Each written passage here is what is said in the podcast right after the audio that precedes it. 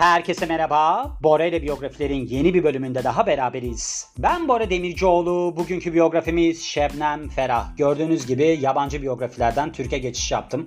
Yani bir tane daha Türk biyografimiz vardı. Türk sanatçılardan Teoman vardı. Şimdi de Şebnem Ferah var. Ben bu iki ismi çok beğeniyorum. Yani şundan dolayı çok beğeniyorum. Bir kere inanılmaz derecede üretken kişiler. Bir de böyle hani acayip acayip medya maymunu. Eskiden öyle bir tabir vardı. Öyle hareketlerde bulunmuyorlar. Hiç hoşuma gitmeyen şeylerdir. İnsanların ben izole olması gerektiğini düşünürüm. Biliyorsunuz Şebnem Ferah korona zamanlarında evden filan çıkmadı. Yani ihtiyacı yok. Böyle çok ortalarda görüneyim, öyle yapayım, böyle yapayım. ihtiyacı yok. Bir de bu insanlar aslında hep atılım yapmışlar. Yani şöyle atılım yapmışlar. Ben mesela Şebnem Ferah'ı da okudum. İşte biyografi info diye bir şey buldum, site buldum. Oradan ekliyorum aslında. Peki siz diyeceksiniz ki şimdi yani sen bu zamana kadar neden eklemedin? Yani böyle biyografileri. Şundan dolayı kaynak bulamıyordum.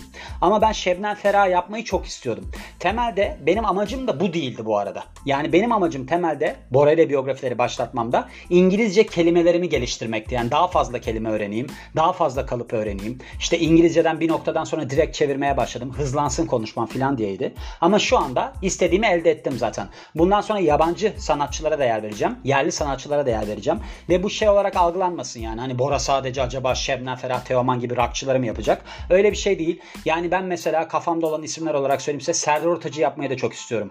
Çünkü benim Bora ile biyografileri başlatma amacım aslında şuydu. Benim geçmişimde, anılarımda yeri olan insanları ben kendi anılarım, anılarımla birleştirerek sizlere aktarmak istedim. Yani burada mesela Şebnem Ferah işte ilk albümü, kadın albümü vardı. 96 yılında piyasaya çıkmıştı. Benim için çok anlamlı bir albümdür. Neden? Çünkü şöyle geçmişe gittiğim zaman ben hep yalnız bir çocuktum. Mesela Luc Besson falan da öyleymiş yani yönetmen olarak bakarsak. Çoğu aslında şu anda gördüğünüz büyük isimler geçmişlerinde hep yalnızdırlar. Neyse ben o zamanlarda işte böyle bir şarkılarla falan ilgileniyordum. O zaman hatırladığım anılarımın arasında bir Sintel radyo var mesela. Çift kaset çalarlı. Radyodan kayıt yapabiliyordu. Ben de böyle boş kasetler alıp o zamanlar öyle adetler vardı. Boş kasetler alıp onlara parçaları kaydediyordum. Şimdi ben bir gün yine böyle şarkıları kaydederken o zamanlar Savage Garden vardı. Savage Garden'ın To The Moon and Back diye bir şarkısı vardı. Çok güzel bir şarkıydı. Onu bekliyorum radyoda. Böyle yabancı müzik çalan bir radyoda falan. Onu beklerken böyle bir frekans değişti bilmem ne oldu. Birdenbire bu şarkı çıktı. Yani vazgeçtim dünyadan şarkının ismi. O şarkı çıktığı zaman ben bunu yabancı şarkı zannettim giriş olarak. Çok hoşuma gitti. Çünkü şöyle o zamanlar eğer ki böyle bir hani 10'lu yaşlarınızda falansanız ben 83 doğumlu birisi olduğum için şöyle şeyler vardır mesela. Kral TV böyle bir izlediğiniz zaman izleyebileceğiniz kanal. Bir de orada eğer ki çok çıkmıyorsa, eğer ki evde tek televizyon varsa falan yakalayamıyorsunuz şarkıları. Ben de ilk defa radyoda dinlemiştim bu şarkıyı. Acayip beğendim. Sonra böyle hani insanın enerjisinin yükseldiği anlar vardır. Böyle birdenbire her şey parlamaya başlar falan. Neyse bir arkadaşım vardı. Bize yakın oturan bir arkadaşım vardı. Beni hiç arkadaşım aramazdı açıkçası. Hani böyle şeyler vardır ya. Bora işte evde mi falan diye. Bir tane arkadaşım vardı benim. Bir tane de başka eskiden bir arkadaşım vardı. Yani iki sene arayla birisi işte ortaokulda bir tanesi liseye başlarken falan. Onlarla arkadaşlık yapardım ama popüler bir çocuk muydum? Değildim. Yani insanlar beni aramazdı. İnsanlar beni genelde böyle çıkarları olduğunda işte ben mesela doğum günü kutladığım zamanlarda gelip bedava yemek yiyelim diye. Onun haricinde işte mesela bu olayda da şu olmuştu. Böyle bir folklor çalışması varmış. Bizim sınıfın popüler çocuklarından bir tanesinin. Dedi ki Bora dedi sana geleyim mi falan. Ben de çok şaşırdım böyle. Hani sanki Justin Bieber bana geliyormuş gibi hissetmiştim. Gel tabii filan dedim. Ona dinletmiştim bu şarkıyı. Demiştim ki bak böyle bir şey kaydettim falan. O da şey demişti çok cool diyor. Ya ben böyle şeyler dinlemiyorum falan demişti. Öyle bir anım var yani hikaye olarak. Ama bana şey hatırlatır. O günü hatırlıyorum. Net olarak hatırlıyorum. Ve o çocuk gibi olmak istiyordum. Hani böyle çok popüler olmak istiyordum. Bir yandan da insanlara yaranma çabam vardı yani. Hani ben geleyim mi sana dediğimde benim o sırada mesela işim vardı aslında. Yani ben başka bir şey yapıyordum ama o çocuğun gelmesi çok önemliydi benim için. Çünkü sınıfın popüler çocuğuydu. Ama arka planı neydi? Çocuk aslında folklor çalışmasında ara vermişler bir, bir buçuk saat falan. Orada gidecek yeri de olmadığı için bana gelip tekrardan folklor çalışmasına gitti. Aynı çocuk mesela sonra bende printer var diye bilmem ne belgesini çıkartmak için sürekli beni aradığında da çok heyecanlanıyordum. Yani bizim sınıfın popüler çocuğu benimle arkadaşlık yapıyor falan diye. O yüzden yani mesela dinleyen eğer ki 16-17 yaşında birisi gitmişse bu insanların hiçbirisi kalmadı biliyor musunuz? Yani bu anlattığım popüler çocuk da böyle son zamanlarda görmüştüm yani bir 5-6 sene önce. Gayet alakasız böyle silik bir tipti. Orada insanların böyle algıladığı şeyler hiçbir zaman olmuyor hayatta. Hatta bugün şöyle bir konuşma geçti işte çok seksi adam bilmem ne adam dedi bana kız arkadaşım böyle bulunuyormuş yani bir tane şarkıcı için. Adam ben baktım hiçbir numarası olmayan bir adam. Dedim ki yani dedim bu adamın neresi seksi? Bu adamda ne var görüntü olarak? O da dedi ki yani dedi işte böyle bir sesinin kalınlığı falan işte müzik olarak baktığımızda. Ya dedim bunlar işte atıyorum siz Kadıköy'de yaşıyorsunuzdur. Orada mesela geçmişte şeyler vardı. Barlar sokağında Kurt Cobain'e benzeyen bir çocuk vardı mesela saçıyla falan ha. Sonra o çocuğun saçları döküldü. Zaten yüzü benzemiyordu.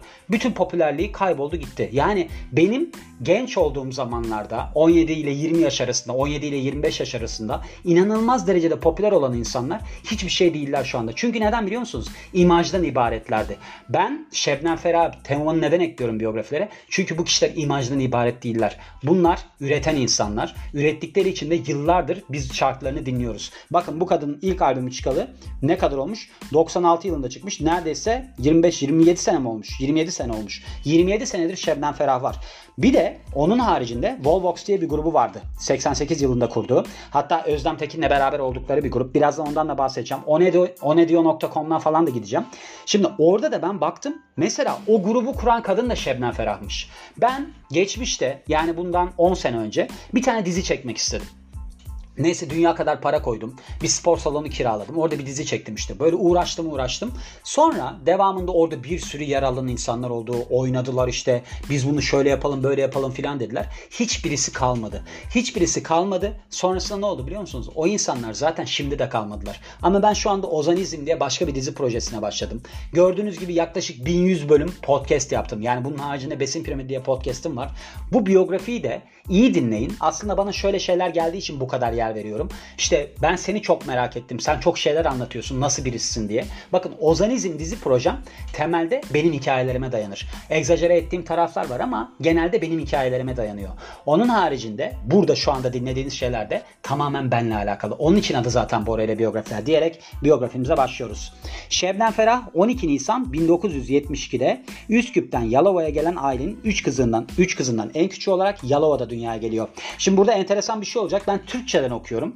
Türkçeden okuduğum zaman iyi okuyamıyorum. Böyle enteresan bir şeyim vardır. Benim böyle bir yapım vardır. Mesela hani böyle sınav formları, başvuru formları falan vardır ya kutular vardır mesela. İçerisine adınızı yazmanız gerekir. Onları beceremem. Kelimeleri yazarken harf atlarım. Böyle iş başvurusu falan gibi şeyler böyle resmi şeyler hiç benim olayım değildir. Burada da şimdi İngilizceden direkt okuduğum zaman onu ben çok hızlı bir şekilde Türkçe'ye çeviriyorum. O zaman daha net çeviriyorum. Böyle bir enteresan durumum var. Yani burada biraz tıkanmalar olursa, vurgu yanlışlıklar olursa kusura bakmayın.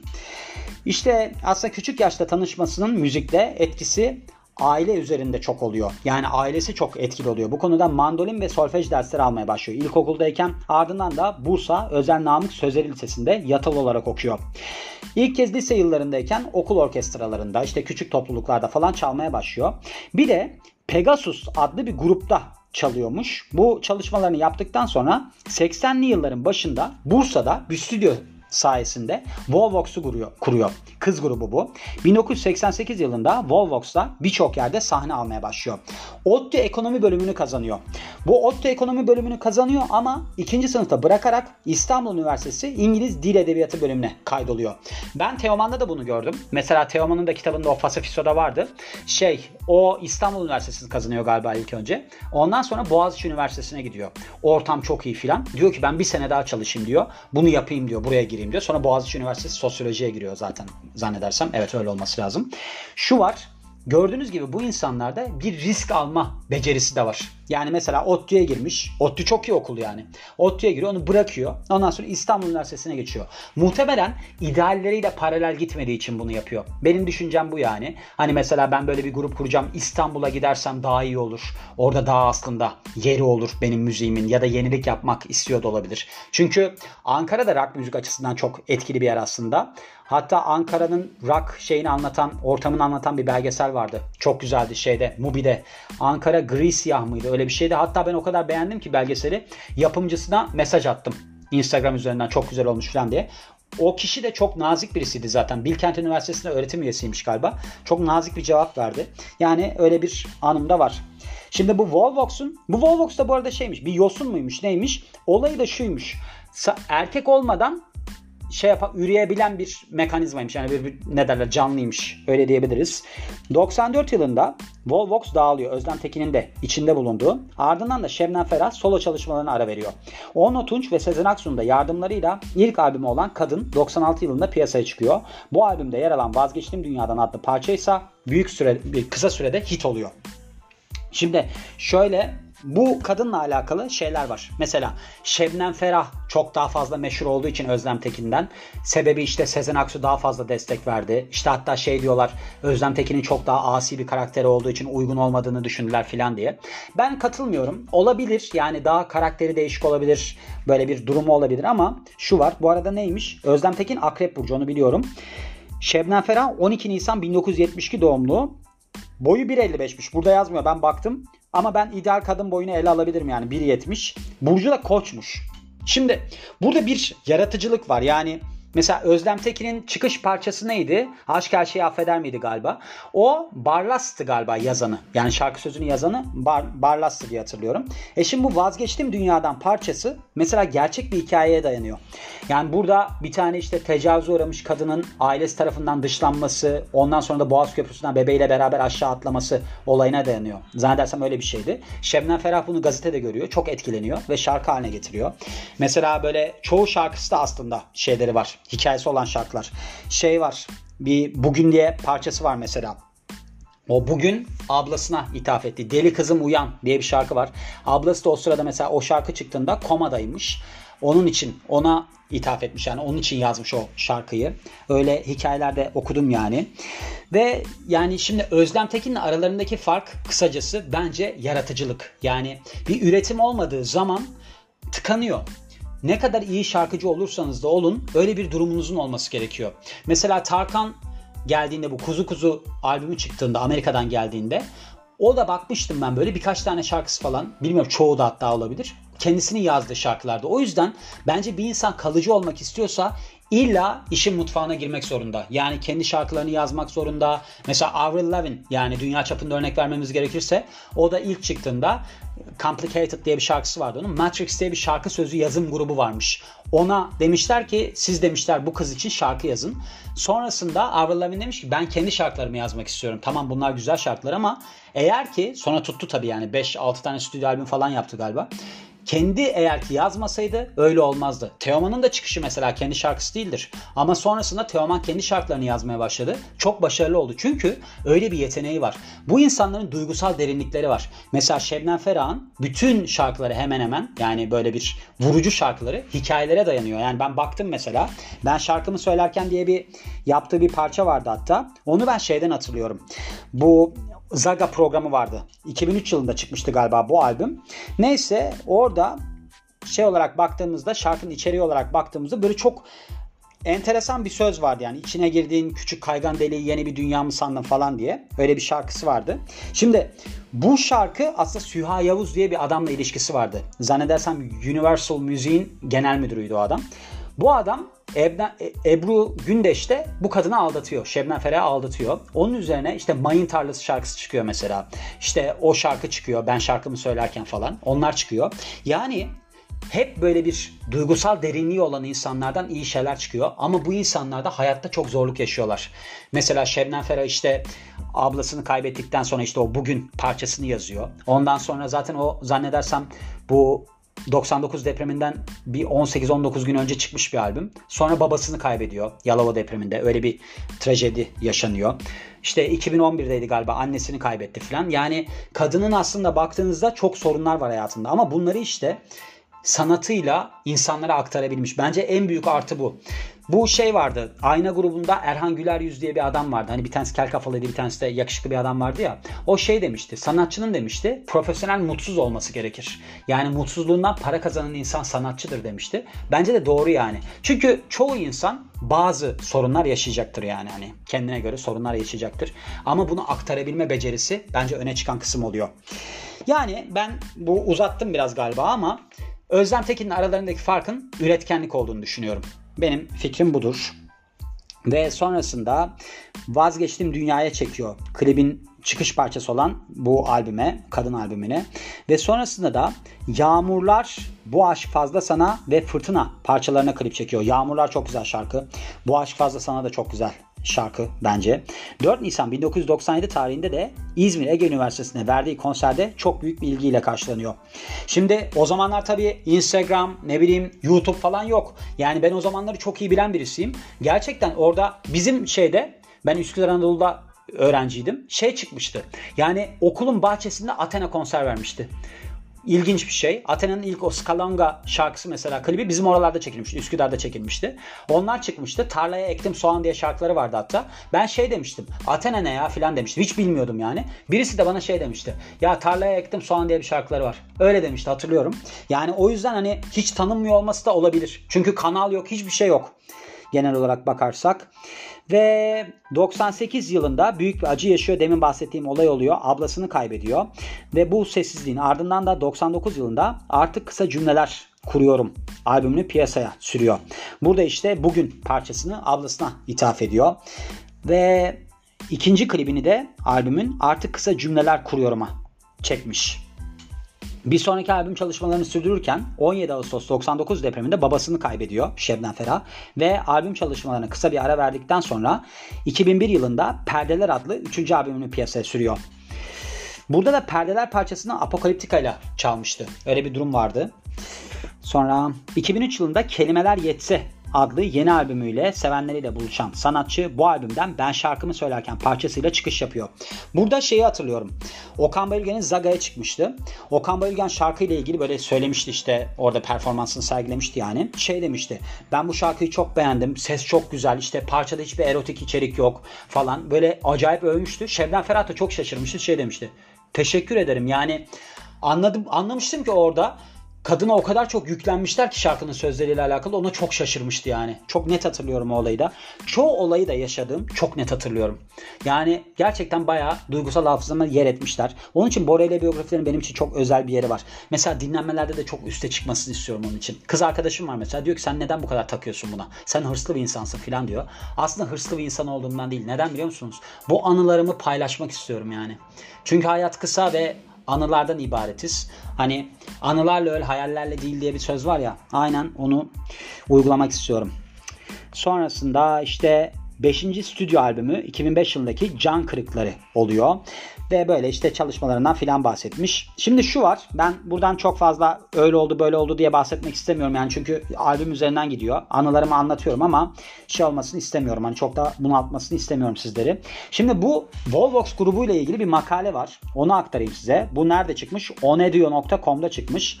Şimdi bu müzik gruplarının sayısı ne yazık ki oldukça az diye başlamış. Pinup diye bir grup vardı. Kemancı'da çıkardı geçmişte. Ben onları izlemeye çok giderdim. Şimdi bu Volvox'un özelliği aslında buradan Özlem Tekin ve Şebnem Ferah gibi iki tane acayip iyi müzisyenin çıkmış olması. Bence fark o. Pinup'tan kim çıktı bilmiyorum. Zannetmiyorum yani. Çünkü ben mesela şu anda solo olarak kariyerini sürdüren kadın sanatçılarda öyle bir background hiç duymadım yani. Ben Pinup grubundaydım falan. Umarım iyi yerlere gelmişlerdir. Ama şimdi burada tabii ki biz Şebnem Ferah'ın öncüsü olduğu Bursalı rock grubu Volvox'tan bahsediyoruz diyor. Şöyle 1988 yılında kurulan Volvox Bursa'dan çıkan bir hard rock grubu. Grubun kurucusu bugünün sevilen ismi Şebnem Ferah. Şebnem Ferah'la beraber Duygu Karpuz, Ebru Bank, Gül Ağırca'dan oluşan gruba 1992 yılında Özlem Tekin de katılıyor. 4 sene sonra katılmış. Ben bilmiyordum. Aynı anda başladılar zannediyordum. Hatta ben Şebnem Ferah'ın bir röportajını dinledim. Röportajında şey diyordu. İşte burada enstrümanlar falan çok zor alınması. Hani çok pahalı. Biz müzik yapmaya çalışıyoruz ama çok zor. Hatta Savaş Ay'ın A takımı programında çıkmış. Ondan sonra diyor ki işte anneme babama çok teşekkür ederim. Sizin sayenizde işte enstrümanları alabiliyoruz biz finansal yönden desteklediğiniz için diyor. Onda da çok duygulanmıştım. Bence bir çocuk için en önemli şey anne babasını gururlandırabilmektir. Onun için de ben çok etkilenmiştim ondan. Daha sonraları bas gitardaki isim Ebru Bank gruptan ayrılınca yerine Buket Doran katılıyor ve tamamı kadınlardan oluşan bu grubun yolculuğu 94 yılına kadar sürüyor. Eğitim hayatları sırasında Bursa'da tanışan grup, Bursa'da verdikleri irili ufaklı konserlerin ardından ilk İstanbul konserlerini 91 yılında Pangaltı İnci Sineması'nda gerçekleştiriyorlar. Yıl 92 olduğunda Duygu Karpuz gruptan ayrılıyor ve yerini Özlem Tekin alıyor. Grubun diğer üyelerine nazaran önceden sahne performansına olan Tekin ve Ferah daha bir ön planda. Burada yanlış yazmış. Ben yanlış okumadım yani. Daha önceden sahne performansları olan demek istemiş herhalde. Tekin ve Ferah daha ön planda. Yani tecrübeli isimler olarak. Sonra bu grubun I Want to Break Free coverları çok meşhurmuş. Bedri Baykam'ın mekanı olan Dadaist'te çıkmış ilk performans olarak gördüğümüzde Volvox ve I Want to Break Free yani bu şeyin neydi grubun adı ya? Freddie Mercury'nin grubunun adını unuttum. Queen. Queen'in şarkısını herhalde coverlamışlar. Ve sis ve kemancı ile beraber işte maceraları devam ediyor. İşte tabii ki böyle bir rock müzik bırakın kadını yani erkek için bile çok radikal bir durum. Böyle çok dikkat çekiyorlar. Hatta orada şey falan vardı. Aysel Gürel falan konuşuyordu işte böyle bir müziği nasıl buldunuz falan diye. Aysel Gürel biliyorsunuz yani bayağı çılgın bir insandı. O diyorduk yani çok farklı çok hoşuma gitti falan hani dedim ya Savaş Ay'ın programında çıkmışlar diye. Sonrasında Volvox konserler, turneler bilmem neler derken turne derken yani sahne, konser işte tanınırlık falan derken kaset çıkarmaya karar veriyor. Ancak bir türlü kaset çıkmıyor. Burada şey olmuş işte Şebnem Ferah'la işte Özlem Tekin ben önde olacağım sen önde olacaksın kavgasına girdi falan diyorlar. Bunlar belirsiz tabii ki. Ama şey oluyor yani sonuçta grup dağılıyor. Herkes kendi yoluna gidiyor. Mesela Ebru Bank hayatına üniversitede öğretim görevlisi olarak devam ediyor. Gül Ağırca başka bir grupla beraber müzik hayatına devam ediyor. Şebnem Ferah ve Özlem Tekin de Türkiye'nin en başarılı isimlerinden birisi haline geliyorlar. Gördüğünüz gibi böyle bir hikayeydi yani. Demin şeyden bahsetmiştim. Şebnem Ferah'ın bu ihanet hikayesinden. Ebru Gündeş'te hani yaşadığı Ebru Gündeş, Süha Yavuz ve aslında Şebnem Ferah üçgeninde. Orada yani genel olarak baktığımızda bir sorun var ve sorundan aslında şey oluyor. Böyle bir eserler ortaya çıkıyor diyebiliriz. Ben başka bir şey daha buldum. Hani şarkıların böyle bir arkasındaki hikayeler neler diye. Bunların birçoğundan bahsedeceğim. Yani şöyle bahsedeceğim. Borelli biyografilerin müzik tarihi diye bir bölümü var. Şöyle ben orada şarkıları koyuyorum ve altına da hikayelerini ekliyorum. Müziklerin hikayelerini, şarkıların hikayelerini ekliyorum. Ve orada da Şebnem Ferah'ın ben böyle şarkılarına yer vereceğim. Yani orada videolarıyla falan da paylaşacağım. Şöyle çakıl taşları ile ilgili mesela çakıl taş şarkısıyla alakalı. Çakıl taşları günlük hayatta oturup ne olacak şimdi diye düşündüğüm zaman başvurduğum kaynaklardan birinin resmi. Neyle kendimi eğlendiriyor ve eğitiyorum bunu gösteriyor. Azla yetinmeyi iyi bilirim. Hiçbir zaman çok büyük bir hayatım olsun istemedim. Çekirdek bir yaşantım ve arkadaşlarım vardır. O yüzden çakıl taşı gibi değersiz şeylerin ne kadar değerli olabileceğini anlatmak istedim. Bitirdiğimde oh be demiştim. Bazı şarkılarınızı çok seversiniz. Böyle bir şarkıyı düne kadar yapmamıştım ve bitirdiğimde kendimi çok gelişmiş hissettim. Böyle bir hikayesi varmış. Yani Şebnem Ferah'ın aktardığı şeyi ben de size okudum. Bugün şarkısıyla alakalı demiş ki babası için yazmıştır demiş. Beni de biraz şeye düşürdü burada. Çelişkiye düşürdü. Çünkü o biyografilerde ablası için yazmıştır deniliyor. Hayır ablası için yazmış. Çünkü deprem albüm çıktıktan sonra olmuş. Orada ben biraz şey yaptım, araştırdım. Deli Kızım Deli Kızım şarkısını aslında ablası komadayken yazıyor. Ve hatta ablasının vefat haberini alıp Yalova'ya gidince sürekli deli kız artık uyuyor demiş Şebnem Ferah. Vazgeçtim Dünyadan şarkısı bir gazete haberinden yola çıkarak tecavüz edilen ve ailesi tarafından dışlanan kucağında bebeğiyle Boğaz Köprüsü'ne atlayan bir kadın için yazmış. Bütün şarkılarının özel olduğundan bahsediyor. Gördüğünüz gibi yani bir insanın kalıcı olabilmesi için bir şeyler üretmesi gerekiyor. Öyle olmuyor yani. Başkasının yaptığı şeye siz hemen konun falan. Yani zaten hayat da öyle giden bir şey değil. Mesela yönetmenlerde baktığınızda Nuri Bilge Ceylan Nasıl? Kendisi yazıyor, kendisi çekiyor. Yani Lars von Trier nasıl? Kendisi yazıyor, kendisi çekiyor. İşte Quentin Tarantino gene aynı şekilde. Yani böyle insanların olması gerekiyor. Yani kalıcı olabilmeleri için. Yoksa öbür türlü işte siz bir 3-4 sene olursunuz. Ondan sonra silinip gidersiniz. Bakın mesela 70'lerle alakalı Amerikan böyle bir rock yıldızlarıyla alakalı şey derler. Yunan tanrısı gibiydi onlar derler. Yani şimdiye kıyaslandığı zaman onlar Yunan tanrısı gibiydi. Gerçekten de 90'ların mesela Türkiye'deki müzik türüne baktığınızda da çok özel isimler var vardı. Yani Şebnem Ferah, Teoman baktığımızda mesela Yıldız Tilbe onlar yani Sezen Aksu tabii ki çok daha önceye dayanıyor ama böyle isimlerin olduğu bir müzik piyasasıydı. Onun için ben böyle kişilere yer vermek istiyorum ve şimdi verdiğim için de mutluyum diyorum ve bu biyografinin de sonuna geliyorum. Beni dinlediğiniz için çok teşekkür ederim. Ben Bora Demircioğlu. Yeni biyografide görüşmek üzere. Hoşçakalın.